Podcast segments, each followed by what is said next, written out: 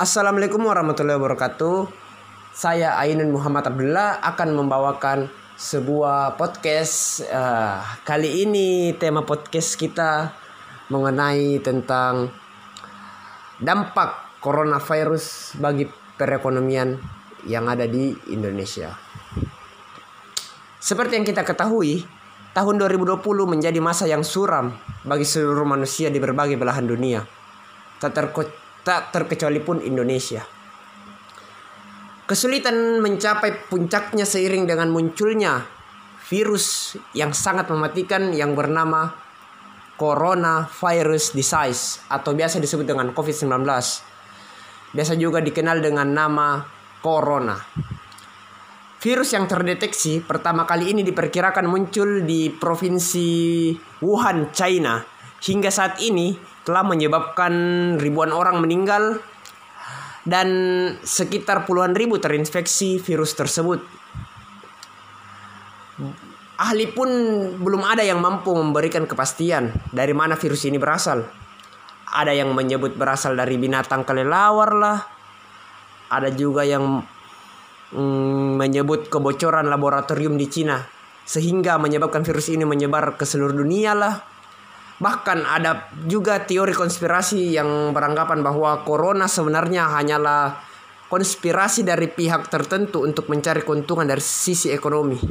Ah, sudahlah.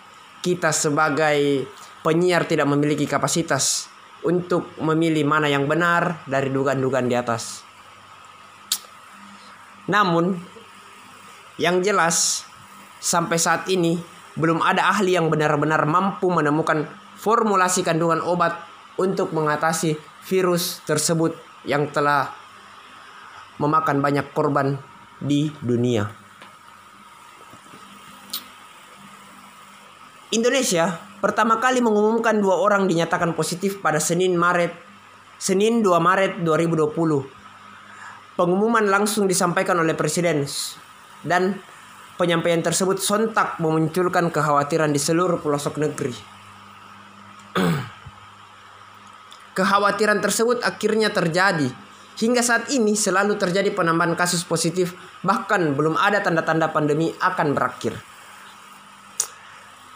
Dan dengan belum adanya tanda-tanda pandemi akan berakhir, maka banyak pabrik ataupun pertokoan, lembaga itu ditutup dan banyak karyawan yang dirumahkan.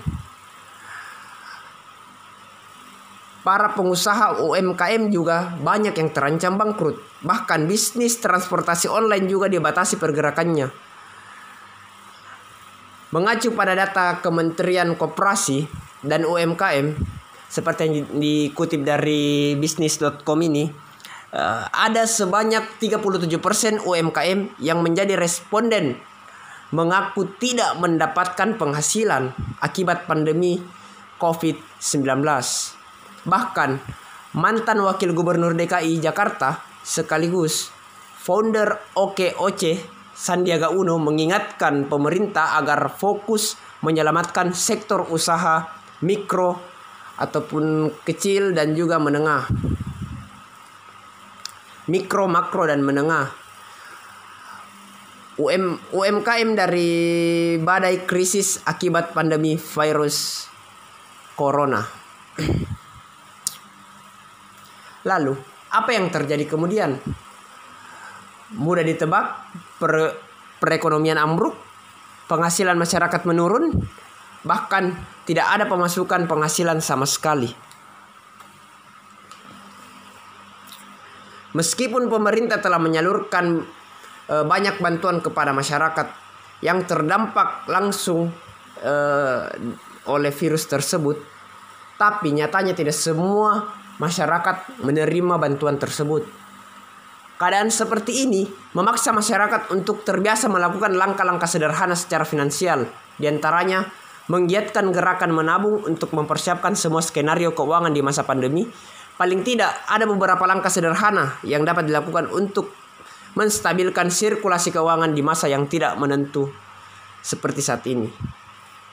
Adapun cara-caranya yaitu seperti menggiatkan menabung meskipun uh, penghasilan menurun, upayakan dengan baik dan harus tetap menyisikan sebagian penghasilan untuk ditabung sekalipun hanya sedikit yang bisa ditabung cukup 10% lah dari penghasilan setiap bulan akan akan sangat bermanfaat lah bagi menjaga dalam menjaga stabilitas keuangan keluarga kita. Tidak ada ya ahli juga belum bisa menetapkan bahwa uh, prediksi kapan pandemi ini akan berakhir. Dia juga belum bisa memastikan hal tersebut. Sehingga unsur spekulatif dari tabungan akan sangat bermanfaat ketika terjadi situasi yang sangat genting dan harus mengharuskan kita mengeluarkan banyak uang. Usahakan juga untuk tidak menarik tabungan jika memang masih ada beberapa alternatif pemenuhan kebutuhan. Kebiasaan menarik tabungan akan mengurangi etos kerja karena pola pikir yang selalu mengandalkan keberadaan uang di dalam rekening. Yang kedua adalah utamakan kebutuhan dasar. Kebutuhan dasar atau mudahnya disebut dengan kebutuhan pokok merupakan kebutuhan yang harus selalu dipenuhi apa pun keadaannya. Salah satu kebutuhan yang wajib dipenuhi adalah makanan pokok seperti beras, lauk pauk, dan lain sebagainya. Kurangi juga intensitas memesan makanan cepat saji ataupun kebiasaan pergi ke mall ataupun berfoya-foya dengan membeli hal-hal yang sebenarnya tidak terlalu penting. Uh, kemudian biasakan juga untuk mengolah dan memasak makanan sendiri di rumah. Ternyata hal tersebut mampu menghemat ke pengeluaran sehari-hari. Kita dapat merancang menu makanan untuk satu minggu ke depan sehingga memudahkan mengatur pengeluaran khususnya dalam pemenuhan kebutuhan tentang makanan. Terus yang ketiga ada juga hmm, tunda kebutuhan yang belum perlu.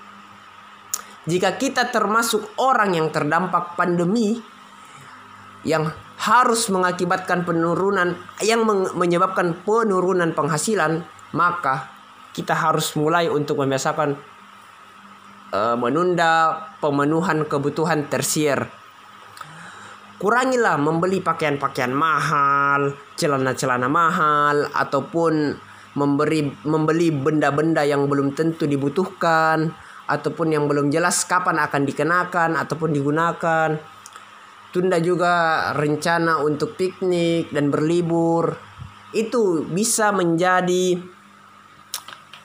solusi dalam mengendalikan keuangan di masa pandemi COVID-19. Menurut beberapa penelitian, ternyata pemenuhan kebutuhan tersier memiliki pengaruh yang begitu besar dalam pengeluaran tiap bulan. Kurangi membuka aplikasi belanja online agar keinginan membeli barang-barang konsumtif dapat direduksi ataupun dikontrol. Gunakan waktu di rumah dengan melakukan kegiatan-kegiatan produktif yang sekiranya mampu menambah penghasilan keluarga. Ada baiknya untuk bersikap bijak dalam menyikapi penurunan ekonomi yang sedang terjadi. Berhemat dan menyimpan setiap uang yang jauh lebih penting daripada membeli sesuatu yang bersifat tersier. Terus uh, ada ada juga mulai berpikir untuk mencari mencari mencari usaha untuk menambah penghasilan. Ketika kondisi keuangan keluarga yang mulai tidak stabil, kita harus mulai memikirkan bagaimana upaya yang dapat dilakukan untuk menambah penghasilan tersebut. Banyak upaya yang dapat dilakukan, baik secara online maupun juga offline. Secara online, misalnya, kita bisa menjadi reseller dari berbagai macam produk yang masih diterima di pasaran, seperti Eh, barang-barang uh, yang uh, dapat barang barang-barang seperti smartphone ataupun kota ataupun hal-hal lainnya. Atau dapat juga membuka toko online dengan smartphone yang kita miliki uh, lalu menjual barang-barang yang memang sangat dibutuhkan di masa pandemi seperti saat ini. Itu juga akan membuka peluang agar kita bisa menambah penghasilan. Secara offline dengan cara menyalur secara offline kita bisa juga dengan cara menyalurkan ataupun memproduksi ataupun menjual kembali produk yang telah ada sebelumnya dengan menarik sedikit laba. Misalnya kita bisa menjual kayak tas-tas dari botol bekas ataupun kerajinan tangan dari hal-hal yang bisa didaur ulang seperti itu. Terus misalnya kita juga dapat menjualnya di pasar tradisional dari rumah ke rumah ataupun dititipkan di warung atau toko sekitar kita. Tentunya kita tetap harus menerapkan protokol kesehatan karena penjualan secara offline sangat memungkinkan kita untuk berinteraksi secara langsung dengan orang lain yang dapat mengakibatkan virus juga akan cepat tersebar. Itu kemungkinan buruk yang akan terjadi ketika kita tidak menerapkan protokol kesehatan sesuai yang diinstruksikan pemerintah. Selanjutnya, kita harus melakukan investasi. Jika memungkinkan, tetap alokasikan sebagian penghasilan untuk investasi sebagai anggaran dana darurat yang sewaktu-waktu dapat kita gunakan. Sesuai porsi investasi, kita dengan pengaturan keuangan yang baik tidak perlu memaksakan investasi yang besar. Namun malah membuat kita tidak mampu memenuhi kebutuhan pokok. Kita harus mulai dari hal-hal yang sederhana. Investasi yang kecil pun tidak masalah. Yang jelas bisa memenuhi kebutuhan kebutuhan pokok yang saat ini dibutuhkan. Intinya bijaklah dalam mengatur keuangan di masa yang sulit dan tidak ada kepastian kapan akan berakhir kondisi seperti ini ataupun era pandemi seperti ini.